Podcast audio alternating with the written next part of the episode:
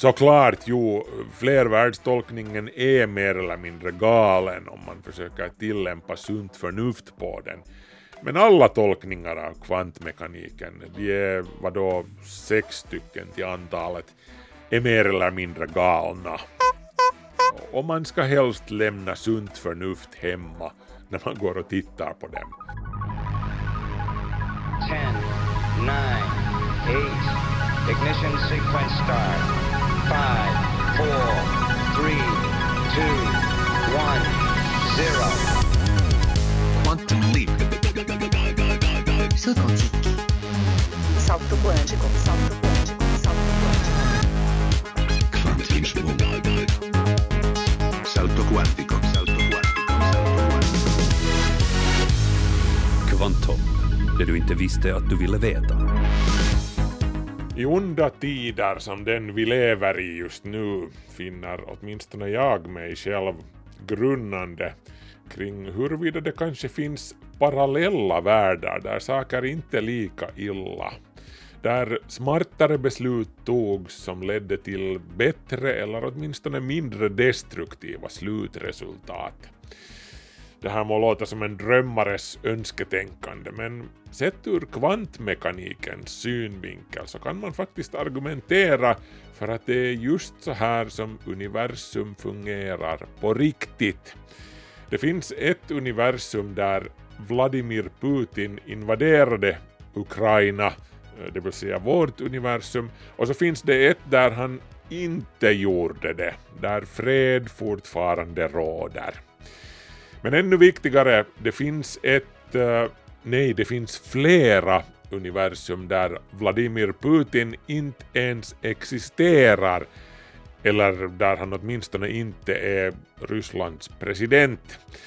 Det här alltså är alltså enligt en tolkning av kvantmekaniken som kallas flervärldstolkningen eller Everetts många världar-tolkning efter den amerikanska fysikern Hugh Everett som föreslog den här tolkningen 1957.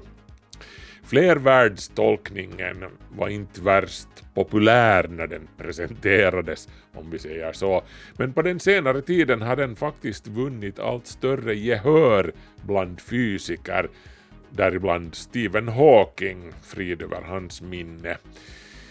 Men okej, okay, den här flervärldstolkningen den är inte helt mainstream. Den mest accepterade tolkningen av kvantmekaniken är den aningen mindre utflippade Köpenhamnstolkningen. Det här ska vi gå på djupet med i veckans kvanthopp. Parallella världar. Håll i hatten för det råder ingen brist på branta backar i den här berg och dalbanan. Ajo, så ska vi också reda ut huruvida den fria viljan existerar på riktigt eller inte. Kvantmekaniken har sitt att säga om det också. Välkommen med, jag heter Markus Rosenlund.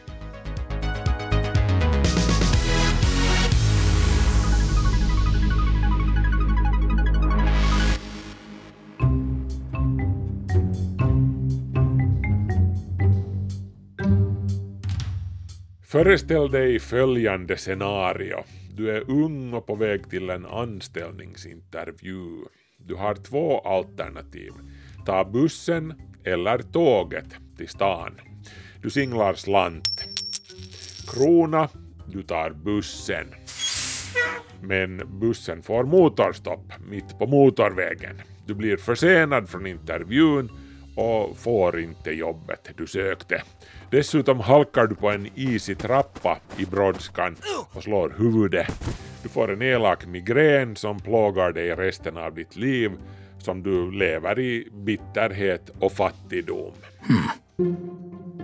Det var alltså krona. Alternativ två, klave. Du tar tåget. VR är pålitlig och punktlig som vanligt. och du anländer bekvämt och i tid till din destination. Ja, det händer så här, den här versionen. Du får jobbet du ville ha. Du blir en framgångsrik och berömd diplomat. Du leder fredsförhandlingar som förhindrar tredje världskriget. du får Nobels fredspris. Alla älskar dig.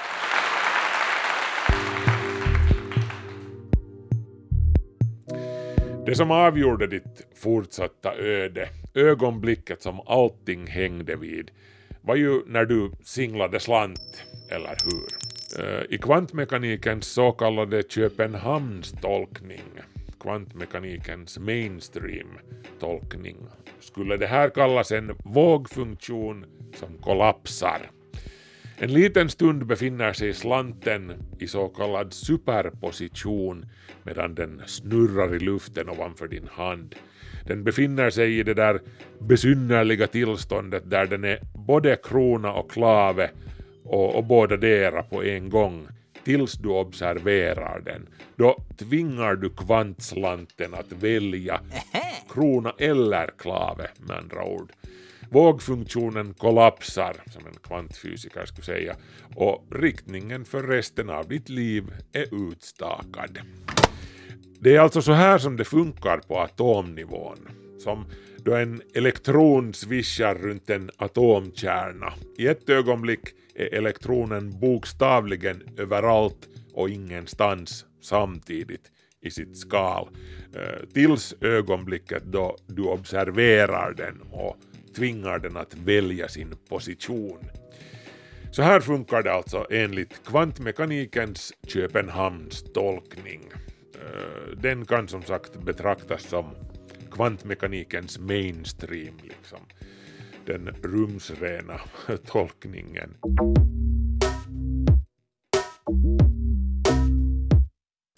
Men det finns en annan tolkning som har vunnit allt mera terräng under de senare årtiondena. Jag nämnde den redan i introduktionen, många världar-tolkningen, som innebär just det som namnet antyder. I många världar-tolkningen tar du inte bussen eller tåget. Slanten du singlar, den som får dig att välja endera, den landar inte på krona eller klave. Det blir krona och klave. I det ögonblicket du observerar slanten efter att ha singlat den i ditt livs vägskäl delas universum i tu. Ett universum där slanten landar på krona och ett där den landar på klave. Och märk väl att här alltså inte finns någon vågfunktion som kollapsar. Det existerar ingen vågfunktion på samma sätt i, i flervärldstolkningen. Det existerar bara många världar. Schrödingers katt är inte död eller levande. Den existerar i, i två olika universum. Ett där den är död och, och ett där den lever. På samma sätt existerar du i två olika universum. Ett där du missar din jobbintervju och blir bitter, sjuk och bortglömd och ett där du hinner till intervjun och räddar världen och får Nobels fredspris. Eh, men vänta nu lite. Stopp och belägg. Uh, vadå kvantmekanik till att börja med? Vadå Köpenhamnstolkningen? Vadå många världar och vadå Schrödingers katt?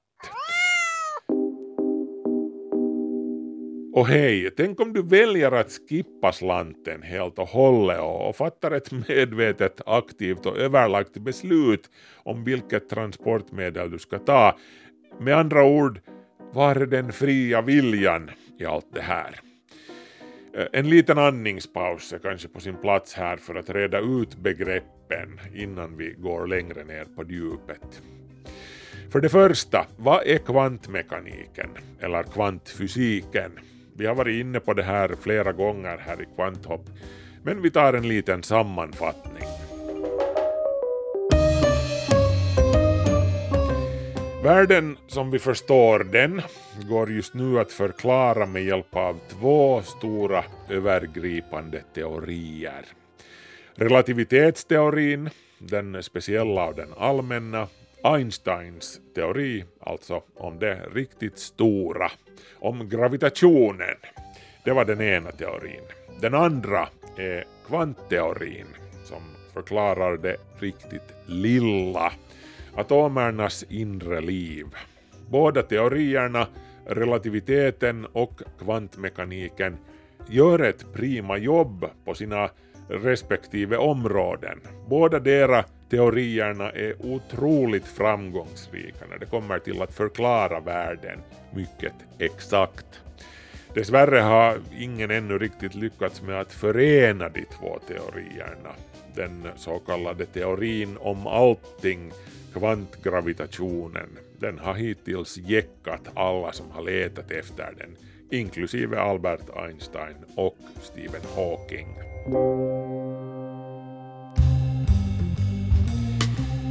Året var alltså 1905 då Albert Einsteins speciella relativitetsteori först såg dagens ljus. Den som säger att ljusets hastighet i vakuum är lika för alla observatörer. Den allmänna relativitetsteorin publicerades sedan 1915. I den säger Einstein bland annat att ansamlingar av massa och energi inom citat krökar rummet en effekt som vi uppfattar som gravitation.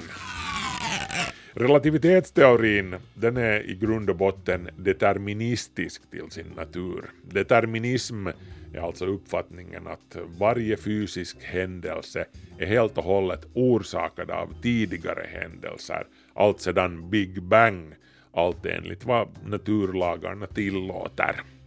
Med andra ord, den som argumenterar för att den fria viljan är en illusion känner sig sannolikt mera hemma i, i sällskap med Einstein och hans lärjungar. Enligt determinismens logik har alltså varje händelse en orsak som gör att den inträffar. På det enda sätt som det, som det kunde ha hänt. Du har alltså inte någon fri vilja på riktigt, du, du bara tror det.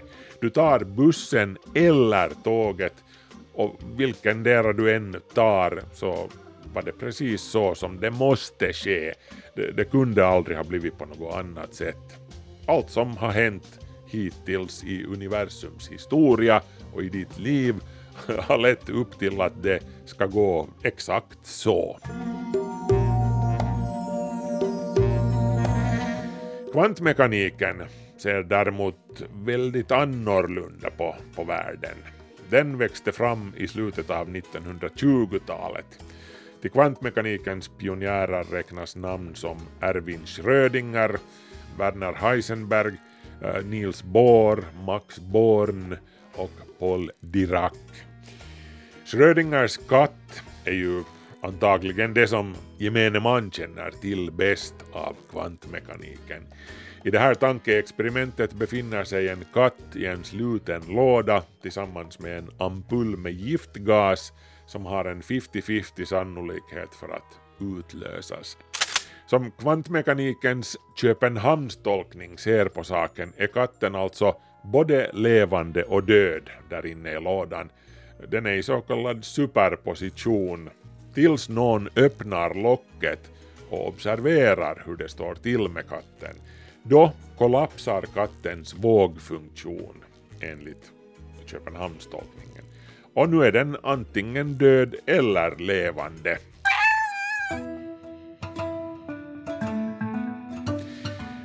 Nåjo, no, eh, kvantmekaniken sysslar såklart inte med den här sortens djurplågeri eller med katter överhuvudtaget på riktigt.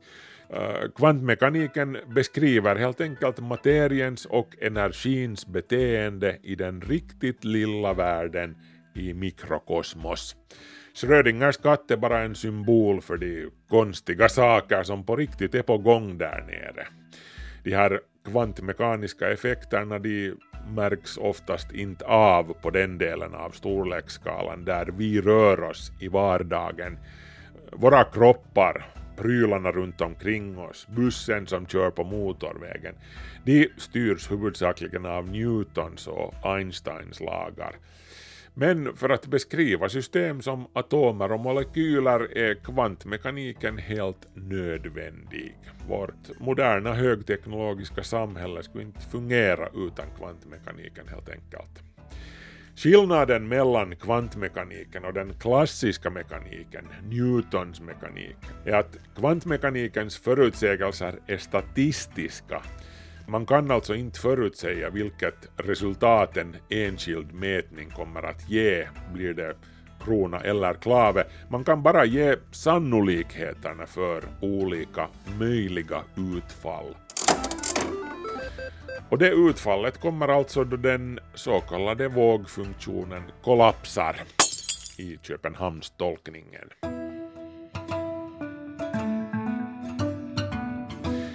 Den här vågfunktionen den är för övrigt inget konkret fysiskt fenomen, den är bara det matematiska molnet av sannolikheter och möjligheter som sen konkretiseras till en punkt. Då utgången observeras och katten hittas antingen död eller levande, liksom.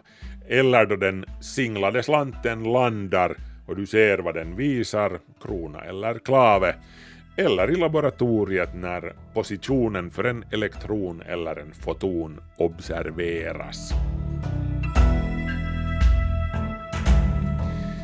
Och sett ur det här perspektivet, ur Heisenbergs och Bohrs perspektiv, existerar alltså ingenting sådant som determinism.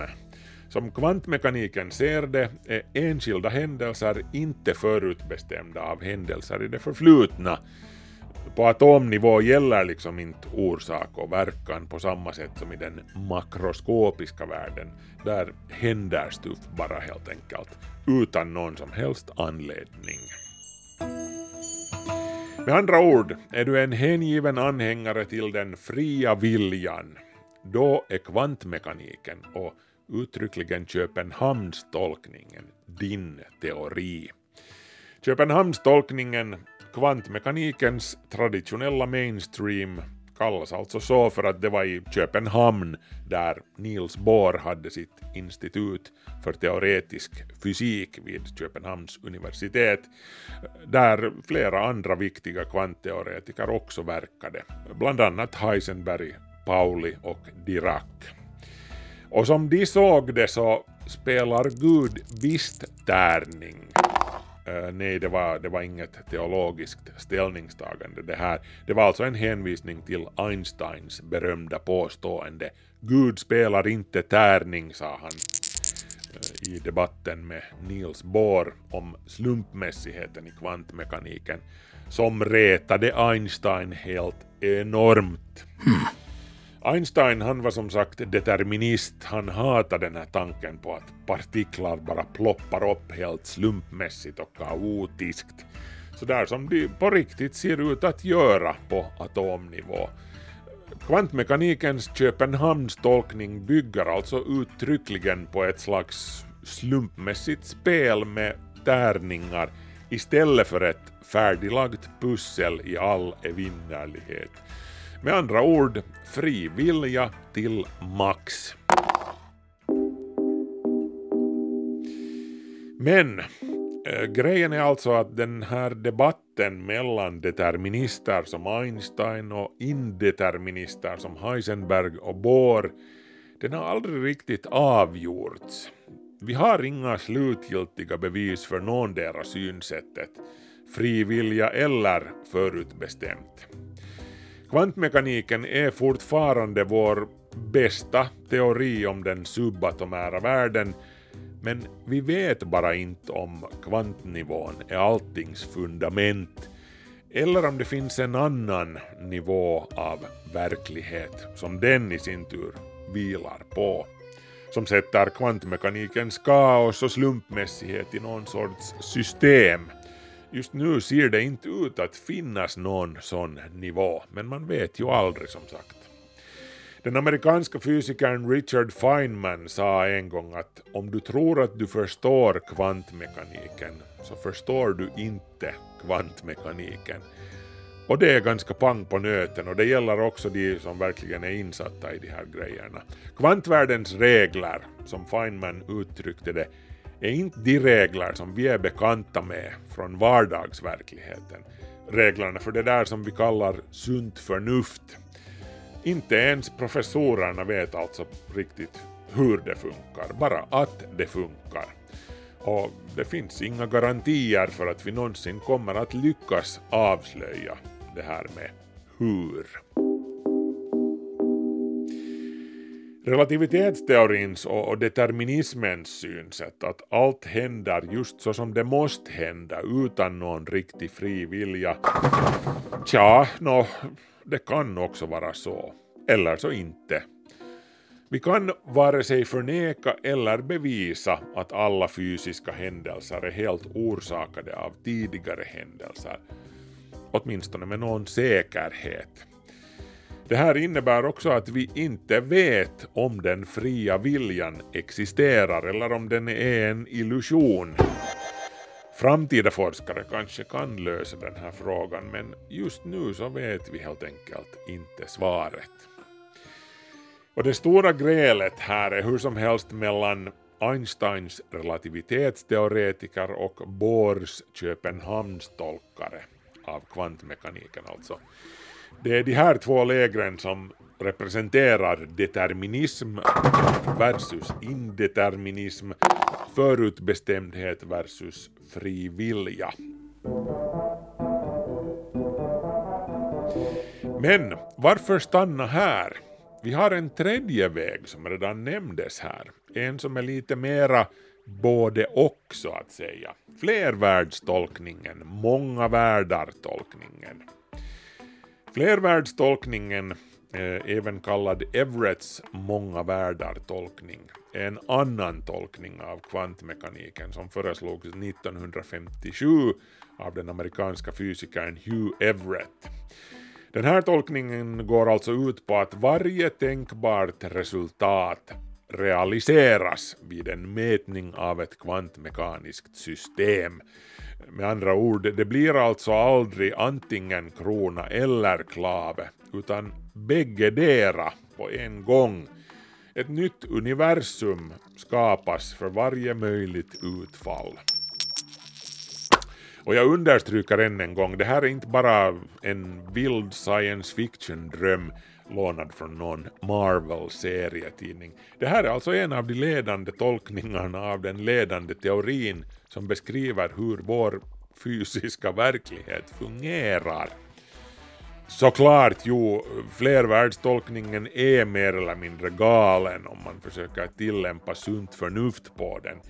Men alla tolkningar av kvantmekaniken, de är vadå sex stycken till antalet, är mer eller mindre galna. Och man ska helst lämna sunt förnuft hemma när man går och tittar på dem. Men när man snackar om kvantmekanik är galet inte nödvändigtvis samma sak som fel. Som sagt, flervärldstolkningen härstammar från den amerikanska fysikern Hugh Everett. Men Everett var alltså omedveten om att Erwin Schrödinger, han med katten ni vet, hade varit inne på samma spår lite tidigare.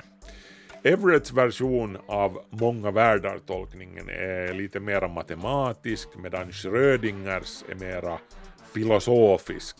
Båda forskarna drevs hur som helst av en strävan att bli av med Köpenhamnsskolans irriterande idé om inom citat vågfunktionens kollaps. Som Schrödinger brukar påpeka för alla som ville lyssna så, så finns det ingenting i ekvationerna, inklusive hans egen berömda vågekvation, som pekar mot någon sorts kollaps. Elektronen kollapsar inte till positionen där vi observerar den, eh, lika lite som myntet kollapsar till krona eller klave. Det här med vågfunktionens kollaps menade Schrödinger, det var bara någonting som Niels Bohr och Köpenhamnsgänget klistrade på teorin för att förklara varför vi bara ser ett enda specifikt resultat av ett experiment, en död katt eller en levande katt. Och inte en död och en levande katt i samma djur.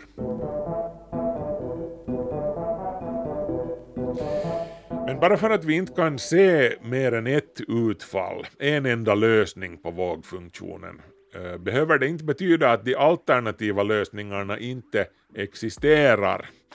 Enligt flervärldstolkningen kan du både ta tåget och bussen till stan samtidigt, fast inte i samma universum.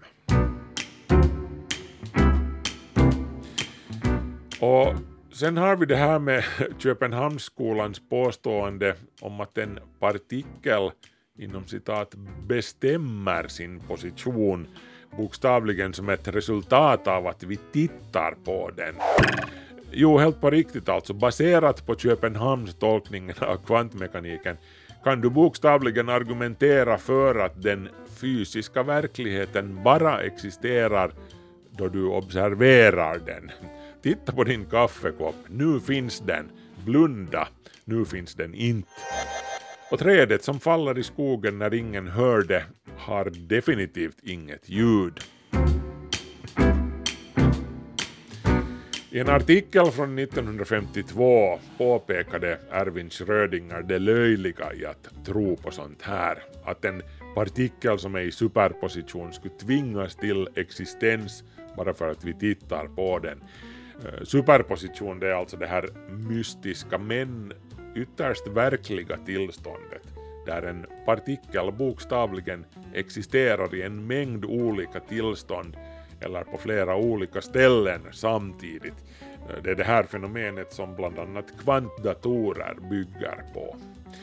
Och det var, skrev Schrödinger, helt absurt att vågfunktionen skulle inom citat styras på två helt olika sätt, i vissa fall av vågekvationen men i andra fall genom direkt interferens från observatören, citat slut. Det vill säga att din blick skulle få myntet att visa antingen krona eller klave. Eh, också om Schrödinger själv inte tillämpade sin idé om, om flera världar på, på sin berömda katt löser flervärldstolkningen kattens dilemma väldigt elegant. När lådan öppnas i ett universum avslöjas en död katt. I det andra universum finns det en levande katt. Beroende på vilken del du ser beror på vilket universum du finns i.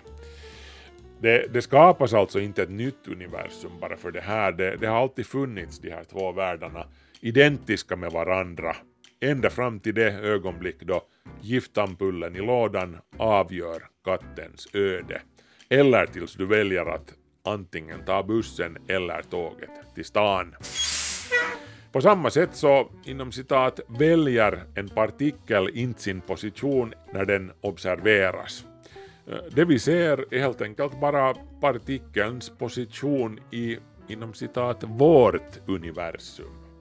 Parallellt med vårt existerar det alltså ett otal andra universum, ett för varje tänkbar position eller kvanttillstånd som en partikel kan ha.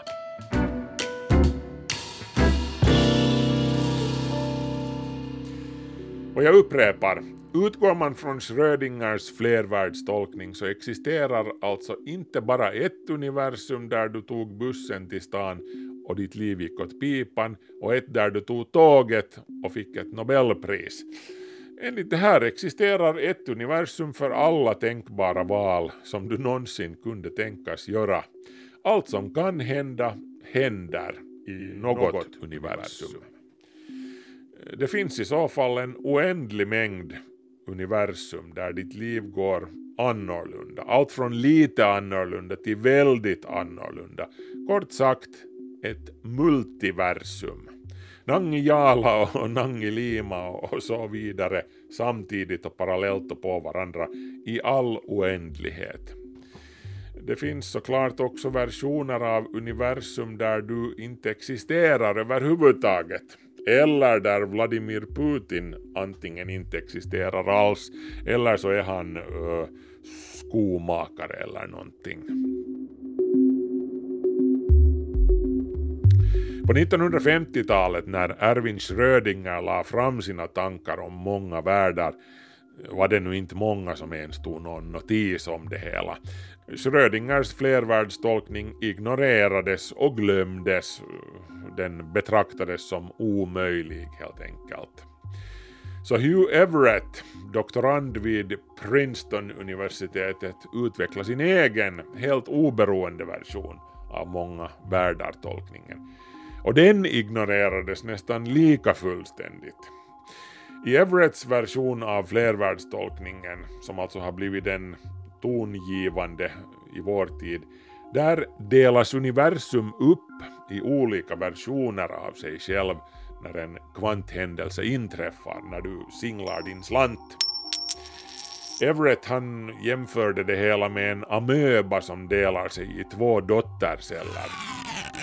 Om amöbor skulle ha hjärnor då skulle varje dotter komma ihåg en identisk livshistoria fram till punkten där delningen skedde. Efter det här skulle de ha sina egna personliga minnen. Lite sådär som du efter att du har singlat din slant och, och blivit till två typer som varav den ena tog bussen och den andra tog tåget till stan. Hugh Everett han marknadsförde aldrig sin hypotes desto mera. Han sadlade om helt och hållet och, och tog ett jobb på det amerikanska försvarsministeriet Pentagon där han jobbade med kärnvapenstrategi och sen försvann han ganska totalt från den akademiska radarn. Vår tids nuvarande främsta proponent för många världartolkningen är den brittiska fysikern David Deutsch från Oxford-universitetet. Det var han som gav Schrödingers ursprungliga hypotes det mesta av sitt nuvarande vetenskapliga kött på benen. Också om Deutsch från början inte ens kände till Schrödingers tankar kring det här. Eh, Deutsch övertygelse om att flervärldstolkningen är det rätta sättet att förstå kvantmekaniken eh, ledde in honom på kvantberäkningsområdet. Han blev alltså en av kvantdatorns pionjärer. Inte för att han nu skulle ha haft något större intresse för datorer utan på grund av sin tro på att en fungerande kvantdator eventuellt kunde användas till att bevisa existensen av parallella universum genom interferensen som de orsakar vårt eget. Och enligt den här flervärldstolkningen som Deutsch ser den existerar det alltså inte bara en värld där du tar tåget till stan och en där du tar bussen. Enligt den existerar, tja, vilken värld som helst som någonsin har beskrivits i ett skönlitterärt verk någonstans i multiversum, förutsatt att den här världen följer fysikens lagar. Det finns alltså verkligen till exempel en Sherlock Holmes-värld. You're the famous Mr. Holmes. Solve the case. On you go. Men inte en Harry Potter-värld.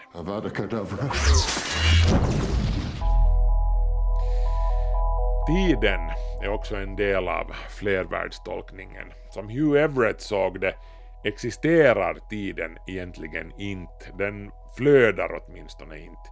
Allt som någonsin har hänt eller kommer att hända existerar samtidigt.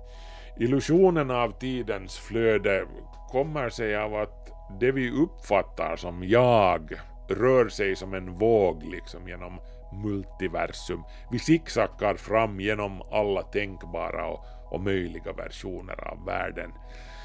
Men multiversum förändras egentligen inte. Alla tillstånd existerar redan samtidigt.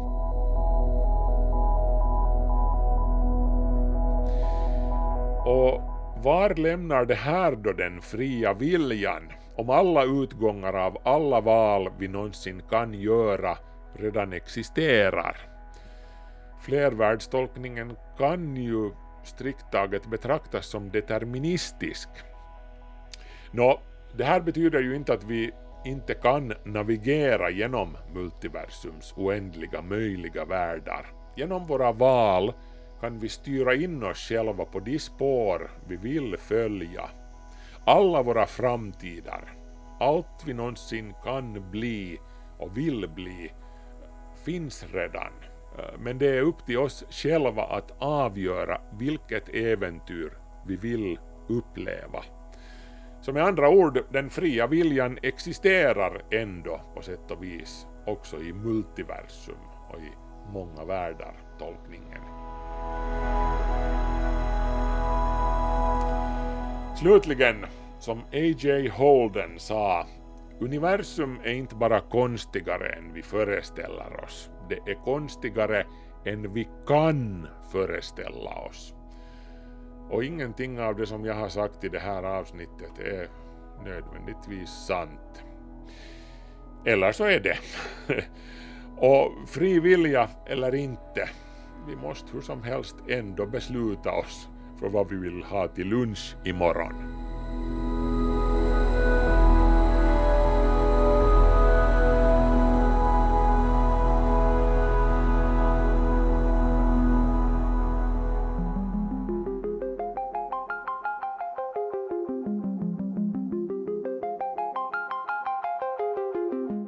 Det var det.